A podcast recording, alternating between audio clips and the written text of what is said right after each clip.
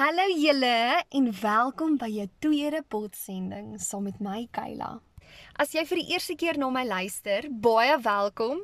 Ek hoop jy sien sommer baie daarna uit om saam met my hierdie journey te stap waar jy jouself gaan vind en soveel meer dinge van jouself gaan ontdek en leer ken terwyl jy God beter leer ken. Vandag se potsending het so 'n bietjie van 'n ander smaak aan hom. Dis so bittersoet. My tema vir vandag is Jy kan nie verwag om eendag 'n goddelike man te vind as jy nie self 'n goddelike vrou is nie. OK, dis dalk nou nie iets wat jy wil hoor nie, maar vriendin, dis iets wat ons almal moet hoor. Ek het altyd gewonder waarom sommige vrouens net dadelik die regte persoon vind terwyl ander vir jare aan een soek en bid en net niemand vind by wie hulle regtig pas nie. Vir my persoonlik was daar ook so tydperk waar ek as gevolg van my eie keuses in verhoudings beland het waar ek heeltemal uit die Here se plan vir my lewe was.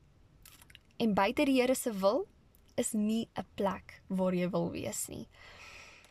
Dis daar in die moeilikste tyd van my lewe waar ek besef het ek moet net ophou soek vir die regte een.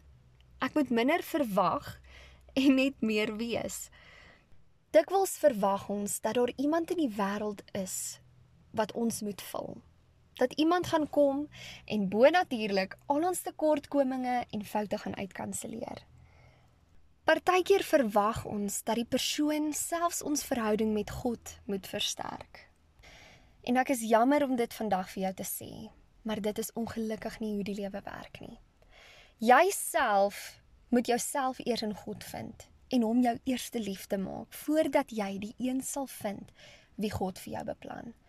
Die man waarvoor jy bid, wie God liewer het as homself. Die man vir wie jy bid, som wie jy gaan kan bid en sing en dans voor die Here. Hy is daar buite. Maar jy moet besef dat om die regte een te vind, jy eers die regte een gaan moet wees. En hoe doen jy dit?